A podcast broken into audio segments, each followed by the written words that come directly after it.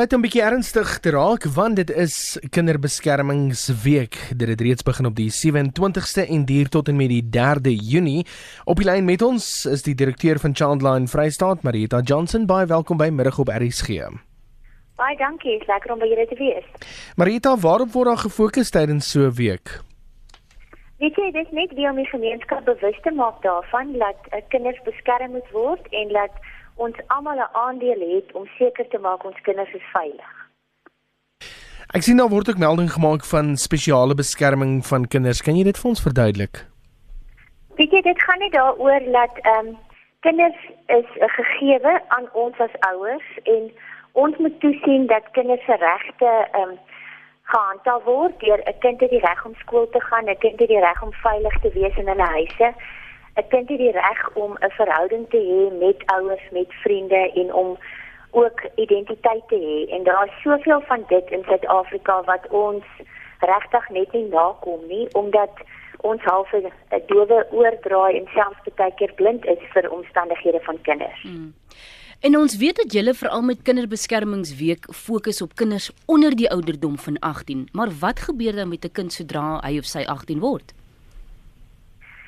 Ja, dis 'n uitdaging want uh, volgens ons as ouers is dit eintlik nog 'n kind in die huis en in baie gevalle is daai kinders nog deel van skoolopleiding en of op universiteit. Maar ehm uh, daar is nie wetgewing wat so 'n kind dan spesifiek ehm um, beskerm nie. Dan is dit maar die algemene wette wat ons almal as volwassenes ook beskerm. Mm. So ehm um, ja, dan in so 'n geval word kinders hanteer dan as volwassenes of word die 18-jarige dan as 'n volwassene hanteer en word volwasse verantwoordelike gedrag ook van hulle verwag in optrede en as hulle sou 'n oortreding behaal dan gaan dit ook maar op die gewone wetgewing wees.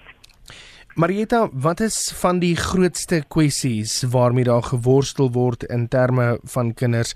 En ek dink daar is seker 'n magdom van hulle op 'n daaglikse basis waarmee jy te doen kry. Ja, die een wat nou baie toeneem is boeliegedrag by skole, boeliegedrag in um, vriendekringe by kinders.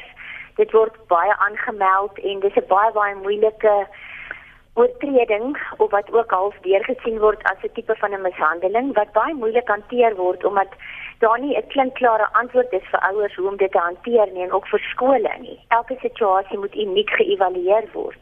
Die ander een is maar nog steeds die tradisionele fisiese mishandeling van kinders kom nog steeds elke dag voor ehm um, en ek dink wat die slegste rondom dit is is navorsing het bewys dat kinders 75% van kinders word mishandel deur die versorger, deur die een wat vir hom liefde en sekuriteit en aanvaarding moet gee. Hmm.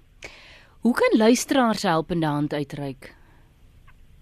Ek dink om weer die gevoel van ubuntu daar te stel om toe te sien na kinders in jou gemeenskap om nie goed net te laat gaan as daar ehm um, dinge onder jou aandag kom nie. Ek wil sê 'n eenvoudige dingetjie as jy in 'n winkel loop en jy sien 'n ouer tree hardhandig of ongevraagd op teenoor sy kind, is dit eintlik jou as gemeenskaplid se plig om stil te staan en te sê, "Kan ek help? Is daar iets?" Uh want ons moet almal weet toe sien dat ons mekaar ondersteun om kinders te versorg. Daar's soveel druk en uitdagings in ons land en in ons wêreld vandag laat ouers gaan deur moeilike tye en hy het baie keer net iemand nodig om hom te help en te sê jy's reg, jy kan, jy het die krag, jy sal deurkom. Hmm. Ons moet vir mekaar omgee, ons doen nie. Hmm.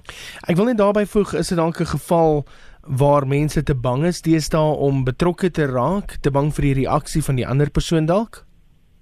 Dit is waar want uh mense kan maar geniepsig wees Ehm um, en ek bedoel as iemand dan nou skuldig is, dan gaan dit definitief dit nie gelate aanvaar nie. Maar ehm um, mens moet maar die kans vat want op die einde van die dag staan jy op vir 'n kind.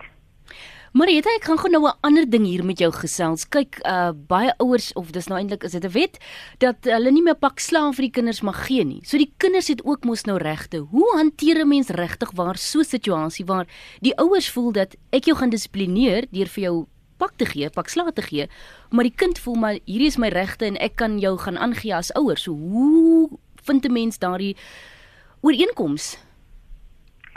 Dit is baie moeilik want ons is nou nie generasie wat nou die oor wat nou hierdie brug moet oorkom. Ons het groot geword, ehm um, ouers, die huidige ouers mm. het groot geword met pak slaag en dit was oukei okay, en ek mm. dink ons almal het nie te sleg uitgedraai nie of baie van ons het dan ja, redelik goed uitgedraai. Dit is goeie maniere. en nou sit mense in die, in die bedeling van jy mag nie meer pak slaag gee nie. So ek kan nog ons dink baie ouers sit met hulle hande in hulle hare en dit is so kinders is baie baie meer ingelig oor wetlike aspekte uh, die media ehm um, al die sosiale media waarmee hulle in aanraking kom lig hulle in. So daar mm. word heeltyd inligting aan hulle deurgegee. En ek dink dit is hoekom ons daar is uh, om vir ouers te help om saam hierdie moeilike oorgang aan te pak. Ons weet dit uitdagend in selfs vir skole ook. Ons het ongelooflike goeie programme wat ons aanbied vir skole vir ouers waar ons hulle kan help met alternatiewe strafmaatreëls as uh, eh, lyfstraf. Ek persoonlik dink lyfstraf is nie noodwendig die oplossing vir 'n oortreding nie.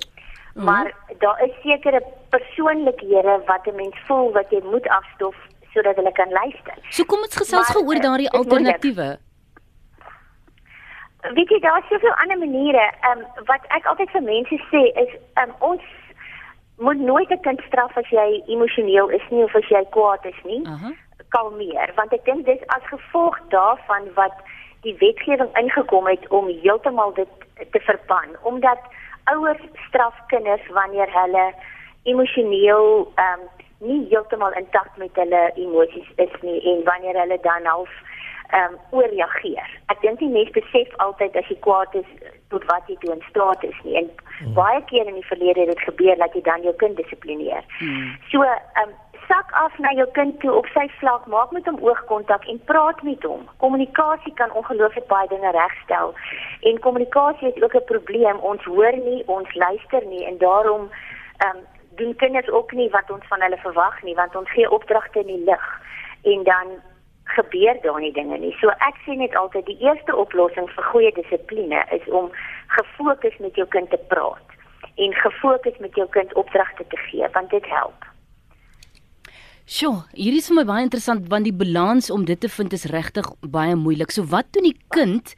Nou wie toe kan die kind gaan as die kind voel hy of sy word mishandel? Ja, kinders het vandag eintlik baie hulpbronne. Ehm um, onderwysers dit hoekom daar lewensvaardighede by by skole aangebied word want daai onderwysers is ook daar om vir kinders te help. En kinders kan self ehm um, vir ons skakel, daar's 'n childline wat 'n algemene nommer is in al die provinsies. En ehm um, daar's soveel ehm um, sosiale media hulp ook vir kinders om ehm um, 'n uh, e-pos te stuur of 'n SMS te stuur en te sê maar ek het hulp nodig, dan kan daar raad gegee word. En ek dink dit is baie belangrik dat kinders die vrymoedigheid het om te vra en nie noodwendig in regtig mishandelde situasies te sit nie. En dit is een voordeel van kinderbeskermingsweek. Dit gee ons die geleentheid om weer vir kinders te sê dit is wat mishandeling is. Dit is gedrag wat nie moet gebeur nie. As jy in so 'n situasie is, dan is jy eintlik in 'n gevaarlike omstandighede. Kom ons doen iets omtrent dit. Mm.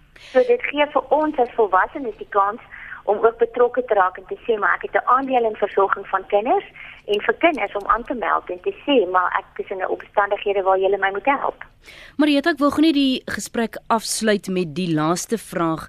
Ek sien dat dit nou vir die week 27 Mei tot 3 Junie is. Waarom juis hierdie week? Hoe het julle op hierdie week besluit want ek let op dat dit nou nogal eksamentyd is by skole. So waarom dan nou juis 27 Mei tot 3 Junie?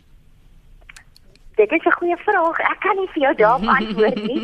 Ek ek ek dink ons het hom geërf. Ek ek dink dit is half 'n week wat oorgedra is. Dit was ehm um, kinderbeskermings uh, maand is gewoonlik Junie maand. Ja. En ek dink dit is toe hulle nou hierdie week opgekies het, maar dit is nogal dit het regtig op skooltermyne val dit nogal sleg want ehm um, waar ons eintlik ons meeste bemarking moet doen en ons meeste bewusmaking moet doen is in skole en op hierdie stadium is dit al vir ons ehm um, nie toeganklik nie want die kinders is altyd met eksamen besig. Maar ek dink soos julle almal weet dat se nasionale daar vasgemaak is, kan dit nie so maklik verander nie. Ja. So dit is nogals uitdagend. ja. Marieta, julle is in die Vrystaat, uh, maar as mense dalk probleme het wat opgelos moet word en hulle wil vir Childline kontak, het julle 'n nasionale inbelsentrum? Ja, dis 08000 55555. 555 Double 55. five. Okay, ja. so klomp Dit vywe. is 'n nasionale nommer wat provinsiaal gekoppel is, so van enige uh selfoon skakel hy deur na jou ehm um, hulplyn in jou provinsie. Goed. Daar is van die lyne wat baie keer oorkruis en uh, by ander provinsies uitkom en dan sal hulle jou net weer terugverwys na jou provinsie toe. Fantasties. Dankie Marietta vir hierdie gesels.